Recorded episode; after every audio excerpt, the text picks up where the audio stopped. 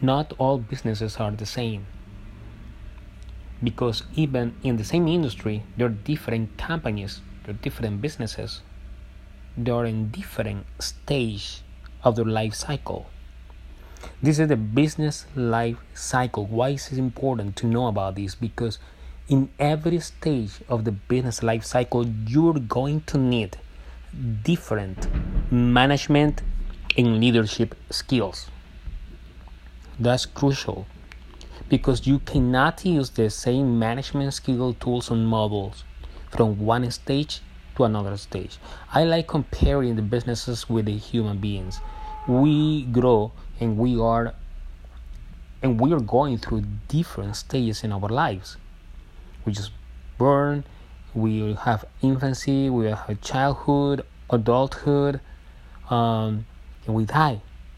And we live through those stages and we grow and we learn different things in different stages and we go through different needs situations that we have to face. And in every stage we learn more more and more. We get better. We better. We learn from our own mistakes. The same happens to businesses. Businesses has their own life cycle. What are they?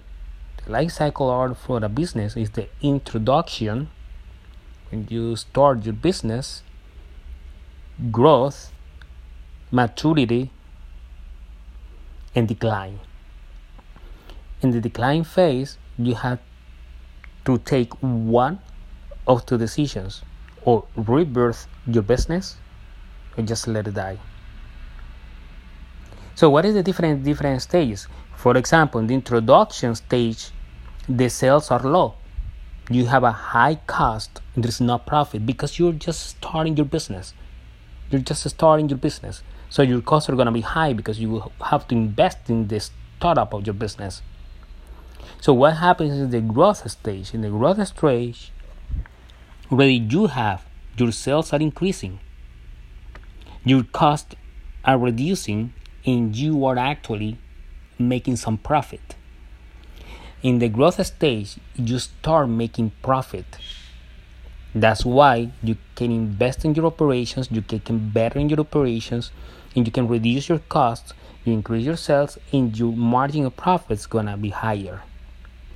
But what happens when you go from growth to maturity stage? In the maturity stage you have constant sales your sales are constant.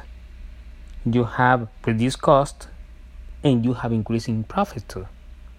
Because your sales get somehow stagnant they're constant your sales you have loyal customers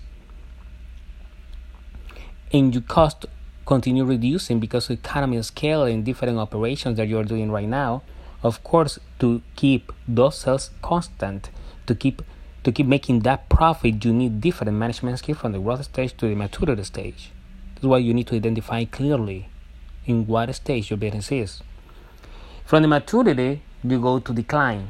In the decline stage, your sales are low, you're reducing, your costs are constant, and your profits are reducing too.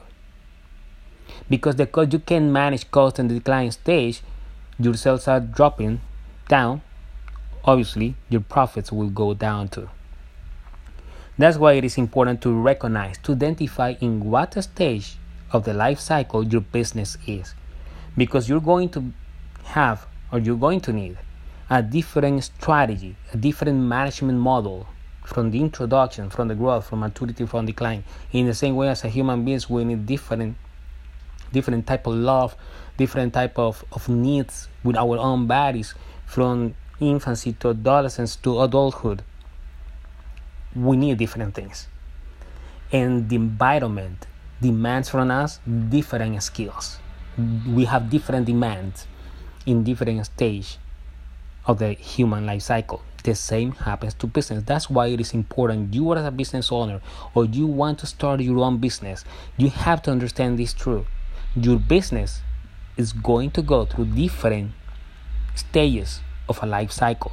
If you learn clearly how to identify in what stage your business is, you will be able to acquire and to learn the skills you need at management leadership levels so you can navigate through those life cycle stages successfully. It's not about starting up a business, it's not about only sales, it's not about only marketing, branding your product and your business into the market. Now you have to learn how to manage. You have to acquire the skills to become a good and successful manager, successful business owner, and a successful leader because you're going to build different teams through different life through the different stages of the life cycle of the business.